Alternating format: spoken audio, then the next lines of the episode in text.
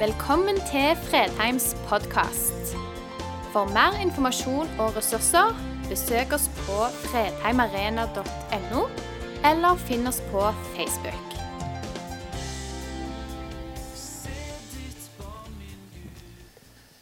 I dag er jeg ekstra glad for at jeg får lov å preike, for da får jeg lov å reise meg. Det er litt annerledes å måtte bli tvunget til å sitte, og ikke minst når vi skal prøve å la stemmen lyde og fylle rommet. Så vi satser på at i september er det slutt med denne meteren, sånn at vi virkelig kan ta tak og ikke tenke på at vi sprer all verdens. Så hvis jeg får opp et bilde, så er jeg fornøyd. Det hadde vært greit. Det ser ut som de må koble om. Så det var de som sovna. Du snakket om de som sovna. Det var kanskje de i dag som tok en liten pause. Et merkelig tema.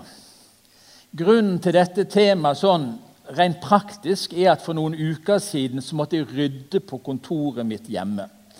Jeg har et kontor i kjelleren, og det er fullt av bøker. Og for å få plass til flere bøker så måtte jeg hive gamle permer. Og En av permene den hadde som overskrift 'Andres prekener'. Jeg burde jo ikke heve den, jeg burde jo ha lest den. Når jeg bladde gjennom den, så kom denne oppskriften opp fra en preken holdt i Sandnes for mange år siden. En verden på sitt verste trenger en menighet på sitt beste. Jeg kan innrømme jeg leste ikke prekenen. Jeg heiv den sammen med hundrevis av mine egne og andres prekener fra mange år tilbake i tid. Men overskriften satte seg fast. Og jeg er som person ikke sånn lagt at jeg pleier å stå og arke og vee over verdens begredelighet. Jeg syns vi har så mye å takke for. Midt i en koronatid så vasser vi fremdeles i velstand. Med alle begrensninger så har vi det bedre enn verdens befolkning på nesten alle områder. Så for meg å sette en sånn overskrift var litt sånn utfordrende. Jeg har ikke lyst til at vi skal gå hjem fra Fredheim i dag Å, det er fæle tider, og enda verre skal det bli. Det er ikke det som er poenget, men det er en kontrast i dette jeg har lyst at vi skal prøve å ta med oss. For det er utfordringer. Så kommer neste liten sånn utfordring. Hvem husker sangboken 'Rop det ut'? Wow. En befriende ny sangbok som kom på 80-tallet. Så bare følg med dere som er yngre enn det. Men ett vers har liksom tont inni hodet i flere uker, som sto i 'Rop det ut'. Nå samles skyer over horisonten, og været friskner allerede til. På høye tid å lette anker, venner. På høye tid å dra dit Herren vil. Det er noen ganger ting skjer som gjør at Guds folk må være på vakt. Ekstra på vakt. Det kan være historiske ting, det kan være ting i politikk og samfunn, det kan være ting i natur. Men av og til så samler det seg skyer over horisonten. Og hva skal Guds folk gjøre da? Da skal vi på en måte lette anker, og så skal vi heise seil. Og så skal vi ta tak. Ikke gjemme oss, grave oss ned, men helt det motsatte. Vi opplever i en tid hvor det er så mye bra i vår verden, utfordringer som strømmer på oss på en helt spesiell måte. For vi får det inn i stuene våre gjennom fjernsynsskjermene. Det brenner. Det brenner i USA. Og Det har alltid vært skogbranner, og naturen har sin måte å ordne opp på, men det brenner mer. Det brenner i Hellas, det brenner på Kreta, det brenner i Tyrkia. Det brenner så mange steder, og mennesker står med fortvila blikk og ser ting forsvinne. Livsgrunnlaget blir ødelagt, hus og hjem ødelagt. Og så sitter vi og betrakter dette på avstand. Men det er en verden som har utfordringer. Det flommer i Europa. Eh, vi ser bilder som vi tenker er det mulig i et moderne samfunn at ikke vi skal være klar til å takle de utfordringene. Og vi flirer når biler fyker nedover jeg, i, i, i elver. Og så tenker vi det er nesten litt festlig. Og så er det mennesker som får ødelagt sitt livsgrunnlag. Så ser du fortvilelse. ser du uro. Vi hører om orkaner som er hyppigere og sterkere. og Jeg blir litt skremt når jeg ser sånne bilder. For det, det er liksom litt sånn Wow, hva er det som skjer i den naturen vår? Hva er det som skjer på denne planeten vår? Hva er det som skjer i den verden som Gud skapte, og som vi ble satt til å forvalte på best mulig måte? Og så ødelegges livsgrunnlaget for stadig flere mennesker. Og så hører vi om Haiti, et av verdens fattigste land, som igjen har opplevd katastrofe. Det er ikke lenge siden sist. Hvor tusenvis av mennesker blir berørt, for livsgrunnlaget sitt ødelagt. Det er en verden som opplever smerter, en verden som opplever uro. Og de flykter. Nå ser vi bilder fra Kabul, fra Afghanistan. Vi hører om familier som hiver barna sine over gjerdet og inn på flyplassen. Vi hører norske journalister fortelle at de ser små unger sitte der uten noen familie og foresatte. Og de gråter. Det er en verden som opplever uro. Der, samles skyer over horisonten. Og vi sitter og diskuterer skal vi ta imot eller skal vi ikke ta imot. Skal vi hjelpe eller skal vi ikke hjelpe? Og De kommer gående, de krysser landegrenser, de kommer på båter som ikke er lagd. Og vi ser bilder. Bryr vi oss? Det er fysisk vondt å se på. Og Dette bildet er blitt et sånt ikonisk bilde av hva som skjer i vår verden. Hva som skjer omkring oss. Og Vi plasserer det ofte på lang avstand, og vi lurer på skal vi ta imot, skal vi hjelpe. La oss hjelpe de der de er. Og så slår det meg Vi skal ikke tenke på alle de praktiske løsningene først og fremst, være for eller mot. Men hva gjorde Jesus når folk sulta? Han ga dem mat. Han sendte dem ikke hjem igjen. Han sa ikke det til disiplene når de var fortvila der. 'Vi har jo ikke mat til dem, men dere skal gi dem mat', sa han. Han sendte dem ikke hjem igjen. Han ga dem mat der og da. Han helbreda de syke, han tok imot mennesker. Og som kirke er vi kalt til å være Jesu kropp i vår tid å være der for mennesker som trenger det. Og så kunne du fylle inn. Så er du mer urolig for det som skjer i det åndelige. Du er mer urolig for lover og regler og politikk som går i all verdens retninger. Du er urolig for at kristendomsforfølgelse får stadig nye ansikt. Vi har en verden som har en utfordring. Jeg vil ikke si at den er på sitt verste. Det skjer så mye godt i vår verden. Der er så mange som vil stå opp for å hjelpe, og vi hører om mennesker som virkelig trer fram og tar ansvar og bryr seg òg i en sånn tid som dette. Men folk, det er utfordringer. Det er utfordringer. Og det er millioner på millioner av mennesker som lider. Mens vi sitter her, i den friheten som vi har, så er det i dag mennesker på flukt. For, flukt både på hav og på land. Det er mennesker som ikke vet om de klarer seg til i morgen. Det er mennesker som mister livsgrunnlaget sitt. Og du kan fylle inn og gjøre den listen uendelig mye lenger. Hva trenger verden? Jo, de trenger kloke politikere.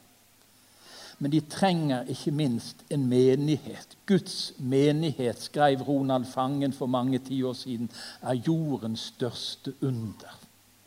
Guds menighet er, Guds, er Jesu kropp i verden, er det redskapet som er plassert inn i denne tiden for å være der for mennesker som trenger både åndelig hjelp og fysisk, menneskelig, helt praktisk hjelp. Vi er jordens største under, mens verdens skikkelse i hast forgår, skrev Ronald Fangen. Hva er en menighet? Vi bor i vår velstand. Vi tenker ikke at en menighet er en jordhytte i Afrika. Kanskje er det enda en bedre menighet enn vår menighet. en huskirke i Kina, hvor vekkelsen har gått fram uten sidestykke, hvor de snakker om så mange som blir frelst at vi knapt tør å nevne tallene på det. Og nå leste jeg nettopp mange ble fengsla igjen i Kina. Men de møtes i hjem, de møtes i det skjulte. Og evangeliet om Jesus får føtter å gå på inn i en helt annen kultur. Det er menigheter som har helt andre ytre kår enn oss. Vi ser til Amerika, hvor de kan samle og kjøpe store stadioner, de største megakirkene, og kanskje det er drømmen. Tenk for en menighet. Jeg vet ikke om det er en menighet på sitt beste. Jeg vet ikke om det er det som skal være drømmen. Kanskje er det det lille fellesskapet hvor folk kommer nær hverandre. Hvor du åpner en bibel, du deler bønnefellesskap, du deler liv. Du søker inn i Guds ord sammen. Hva er en menighet på sitt beste? Er det en katedral som på en måte er så vakker at du går inn som turist og du blir slått til jorden? Hva mennesker kan skape. En menighet på sitt beste. Og Hvis de skulle gått på en måte sånn enkelt til verk, så hadde de gått i Apostelens gjerninger kapittel 2. Og så hadde vi snakket for n-te gang om de fire b-ene. Gå hjem og les i Apostelens gjerninger kapittel 2 fra vers 2 for din egen del, og se en menighet på sitt beste.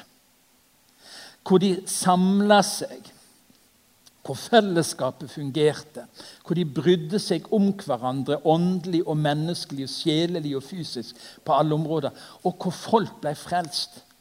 Kanskje skulle vi bare ha brukt den teksten. Vi skal ikke gjøre det. Det forstår du når jeg sier det sånn.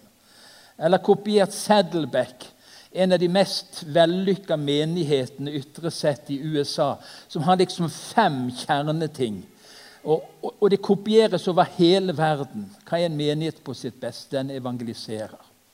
Den bygger fellesskap. Den tjener med sine nådegaver.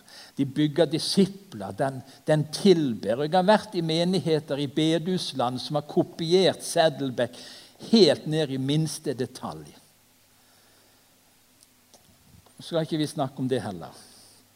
Men det er et par bibelvers som har gått rundt og rundt og rundt de siste ukene. Og Nå åpner vi Bibelen, og så leser vi først fra 1. Peters brev, kapittel 4, og fra vers 10 i Jesu navn. Tjen hverandre. Hver og en med den nådegave han har fått, som gode forvaltere av Guds mangfoldige nåde. Det første jeg vil si, det handler ikke om nådegaven, men handler om en mangfoldig nåde. En menighet på sitt beste, den fargelegger Guds nåde på en sånn måte at mennesker med ulike utfordringer får lov å møte Guds nåde. Det blir nærværende. Det blir aktuelt. For menigheten klarer å være mangfoldig i sin måte å presentere Guds nåde på. Efeserbrevet kapittel 3 sier det på denne måten. Må dere sammen med alle de hellige.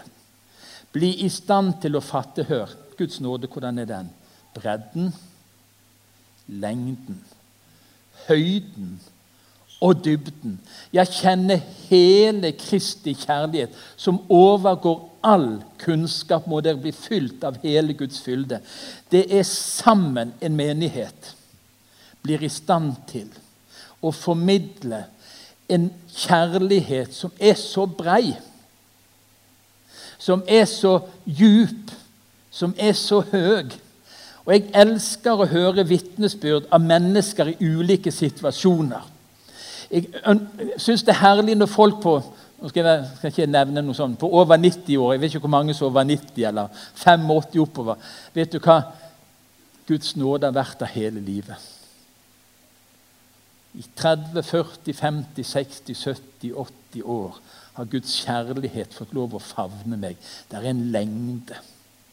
Så møter du mennesker som har falt så dypt i menneskers øyne at du tenker at Guds kjærlighet kan ikke nå dem. Men så forteller de når jeg var på bånn, så var Guds kjærlighet der og løfta meg opp. Så kan de fortelle om en dybde.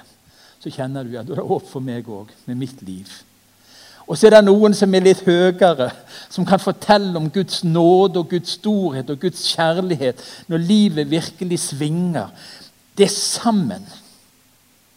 Vi blir som menighet i stand til at den mangfoldige nåden, den uendelige kjærligheten som jeg fatter litt av, og du fatter litt av, kan bli tilgjengelig.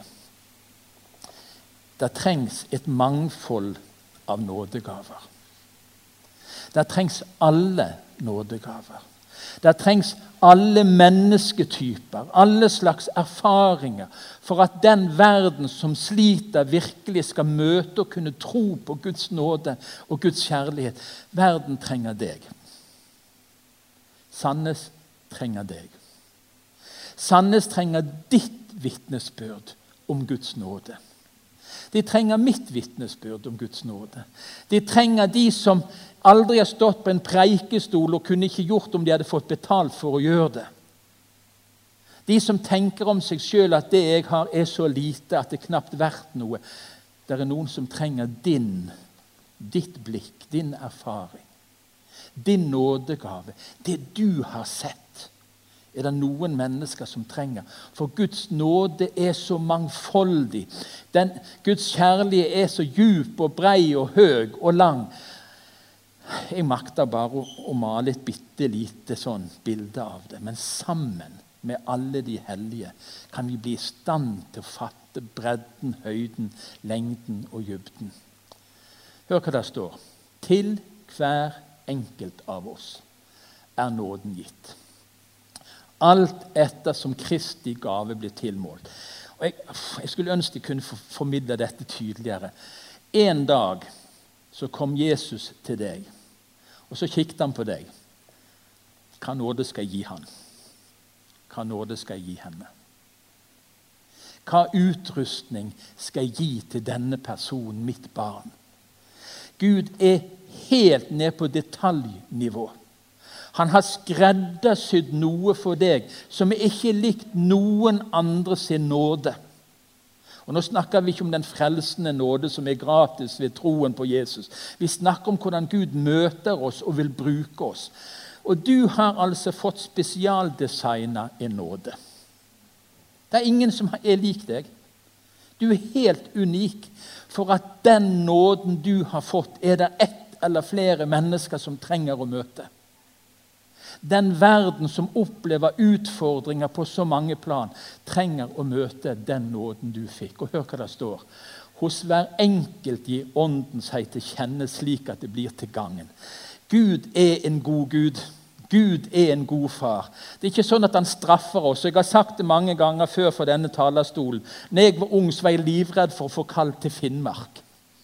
For liksom Finnmark det var vår ytre misjonsmark. Det var de som liksom, Bare ikke nordover, var det en som sang. Egen sang om det. Noen var livredd for å bli sendt til Afrika. Altså, Vi trodde at Gud på en måte nesten Ja, ja, han er kristen, hun er kristen, men nå skal de få seg litt av en utfordring. Nå sender jeg de dit de akkurat ikke vil. Hva står der i Bibelen? Når Den hellige ånd kommer med Guds nåde og nådegave til oss, så blir det til gagn. Ikke det nydelig? Den nåden du har fått, den nådegaven du har fått, den beriker ditt liv hvis du vil bruke den. Den gjør ditt kristne liv mer spennende, mer utfordrende, mer berikende. Det er ikke sånn at Gud straffer oss. Ja, han er Landro, han skal bli predikant, så kan jeg holde han i ørene, for da vil han trenge meg. Av en eller annen grunn fikk jeg en nåde, og jeg er så takknemlig at Gud ga meg den nåden. Gud har gitt deg nåde. Den hellige ånd har vært på ferde i ditt liv. Den har vært der for at du skulle få noe som skulle berike ditt liv og berike andre mennesker sitt liv. Verden trenger den nåden som du har fått av Gud. Verden trenger, byen trenger Mennesker trenger den nådegaven som du har fått ifra Herren. Vi har forskjellige nådegaver, skriver Paulus i Romerbrevet. Alt etter den nåde Gud har gitt oss. Og så kommer det befriende. Den som har profetisk gave, skal bruke den i samsvar med troen. Den som har en tjeneste, skal ta seg av sin tjeneste. Det er så deilig å vite at når vi har fått en utrustning, så er det den Gud vil vi skal bruke. Så må vi jobbe litt dugnad. Jeg kunne sagt mye om dugnad her i dag. Jeg skal ikke si noe om det. Vi, vi må alle være med på ting som vi tenker det er ikke mitt sånn kjerneområde. Men når Gud har gitt deg noe, så er det det du er ansvarlig for. Har du fått en profetisk gave, så bruk den. Har du fått en gave til å tjene, så bruk den. Har du fått en barmhjertighetsgave, så bruk den. Har du fått en bønnegave, så bruk den. Er du evangelist, så bruk den gaven frimodig. Har du fått en gave til å tale i tunger og tyde, så bruk det. Har du fått helbredelsens gave, så bruk det. Har du fått en hjelpetjeneste, så hjelp mennesker. Det du er ansvarlig for, det er det du har fått. Og Det er litt befriende. Jeg husker ennå et jeg hadde på besøk på gamle Fredheim bedehus. Sikkert på 80-tallet av en veldig frimodig predikant. Og han holdt på å ødelegge min tjeneste for, for, for, for mange år. Han var så ivrig. Han sa det Landro, alt det du vil skal skje på Fredheim, må du modellere, sa han. Oi, tenkte jeg. Hvis du vil at folk skal vitne om Jesus, så må du vitne om Jesus. Hvis du vil at de skal gå på husbesøk, så må du gå på husbesøk. Og Hvis du vil at de skal gi mye, så må du gi mye. Og hvis de skal be mye, så må du be mest. Og Jeg bare kjente hvordan jeg å, sank ned i stolen. Jo, vi skal være med og modellere noe. Men jeg fikk heldig hjelp, heldigvis hjelp av noen andre til å tenke jeg har ikke alle nådegaver. Jeg skal ikke bære ansvar for alt. Jeg skal få lov å tjene med den nådegaven Gud har gitt meg. Og det er en befrielse. Ja, det er en befrielse.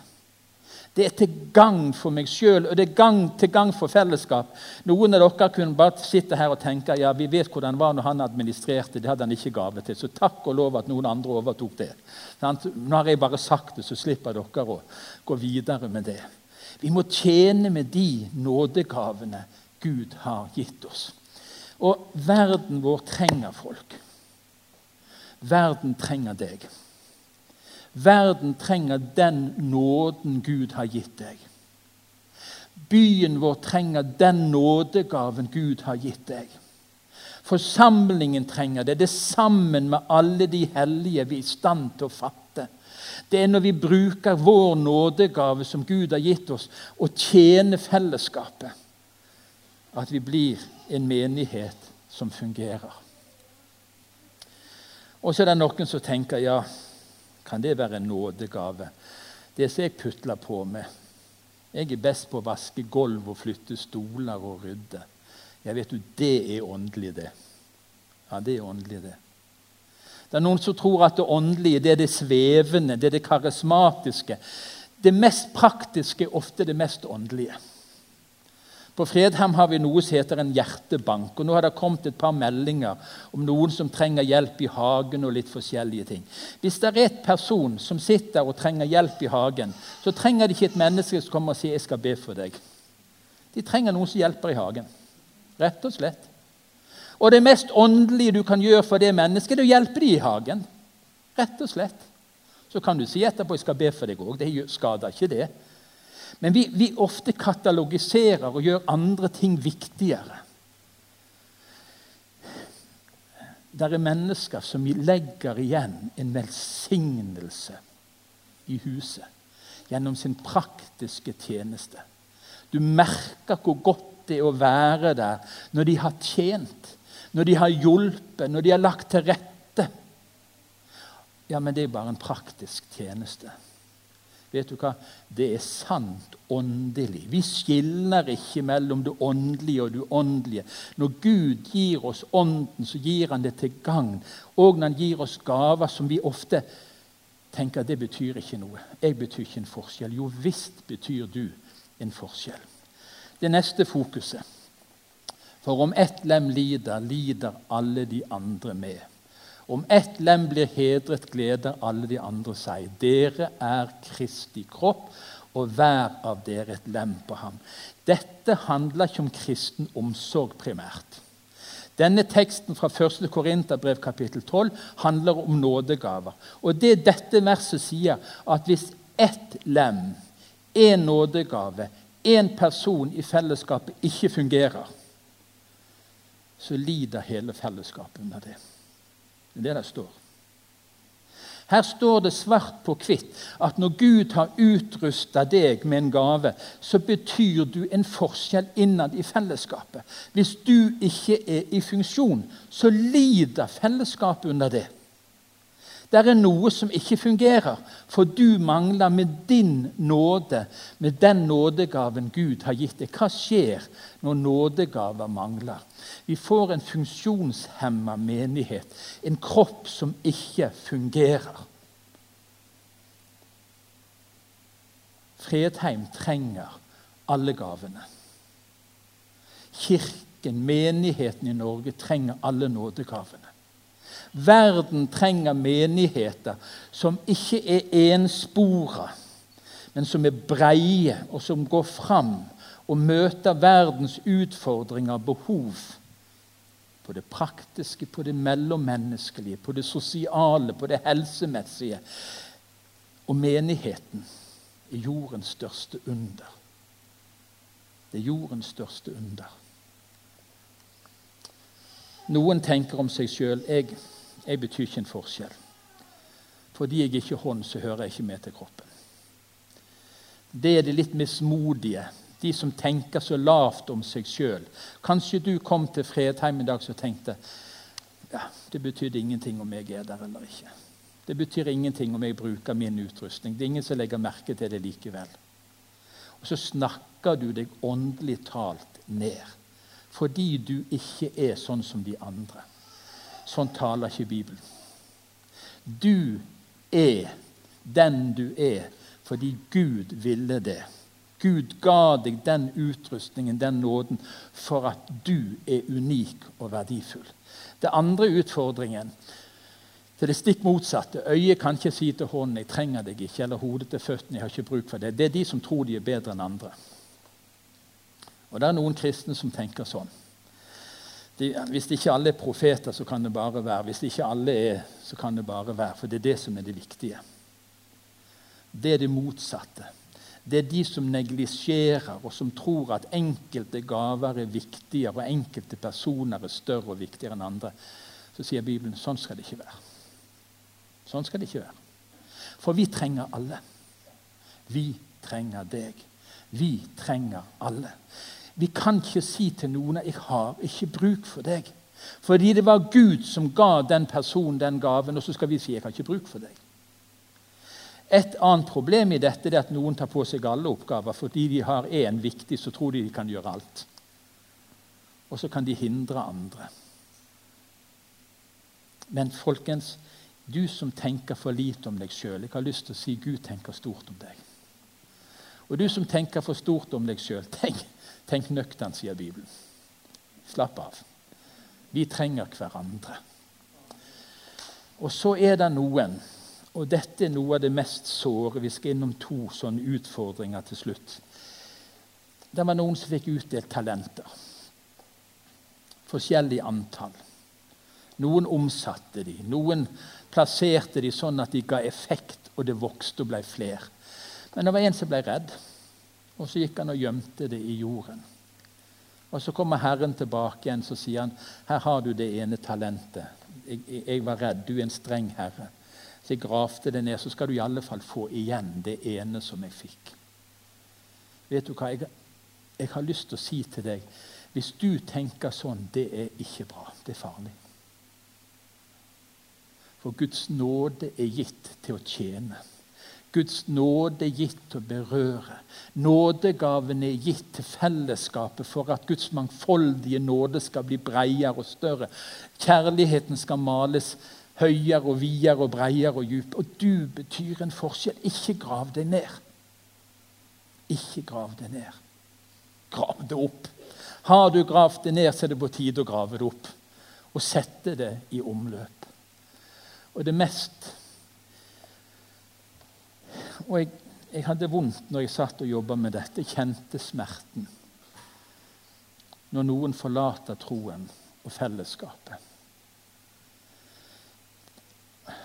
Og nå har jeg vært så lenge i denne forsamlingen og vært kristen så lenge at jeg ser mennesker som var med, som var aktive, som sto på. Og så har de forlatt fellesskapet, og noen har forlatt troen. Og det er mennesker som Gud en gang hadde berørt. Det er mennesker Gud en gang hadde utrusta. Det var verdifulle mennesker for fellesskapet. Det var enda mer verdifulle mennesker for Gud. Og så tenker vi ja, ja, la de gå. Så kommer det sånn smertevers hos Paulus. Demas, en av mine nærmeste medarbeidere, han forlot meg. Han fikk andre ting som ble viktigere. Verden, som har utfordringer, folk, trenger en menighet som er utrusta forskjellig som kan male Guds nåde i et variert fargespekter. Som kan fortelle om Guds kjærlighet på forskjellige måter. Lurer på jeg skal bare si det en gang til. Ta alt bare om igjen. Har det gått inn? Forstår du det? Kan du si ja til det? At du betyr en forskjell? Våger du å tenke om deg sjøl at den nåden du har fått, er helt unik? Den er til gagn for deg. Den er til gagn for menigheten. Den er til gagn for byen. Den er til gagn for landet. Guds menighet er jordens største under.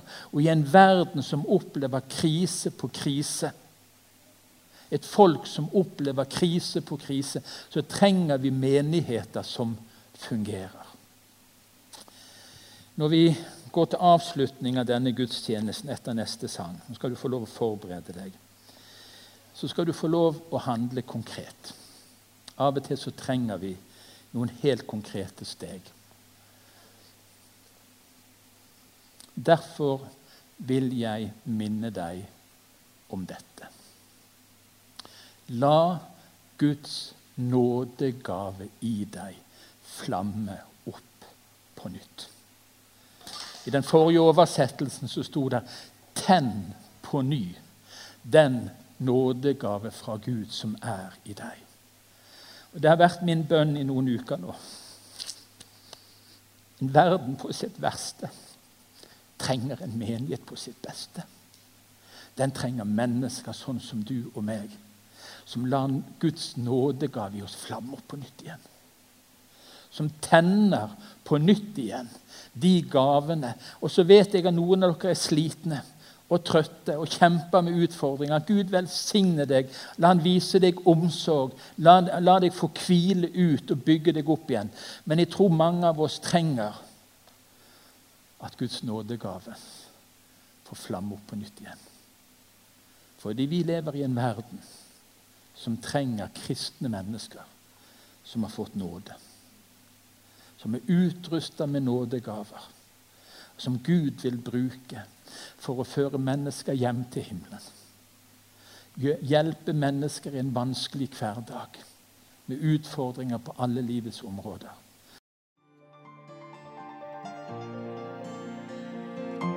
Takk for at du valgte å høre på. Nye opptak legges ut hver uke. Vi har gudstjenester hver helg, og du er hjertelig velkommen.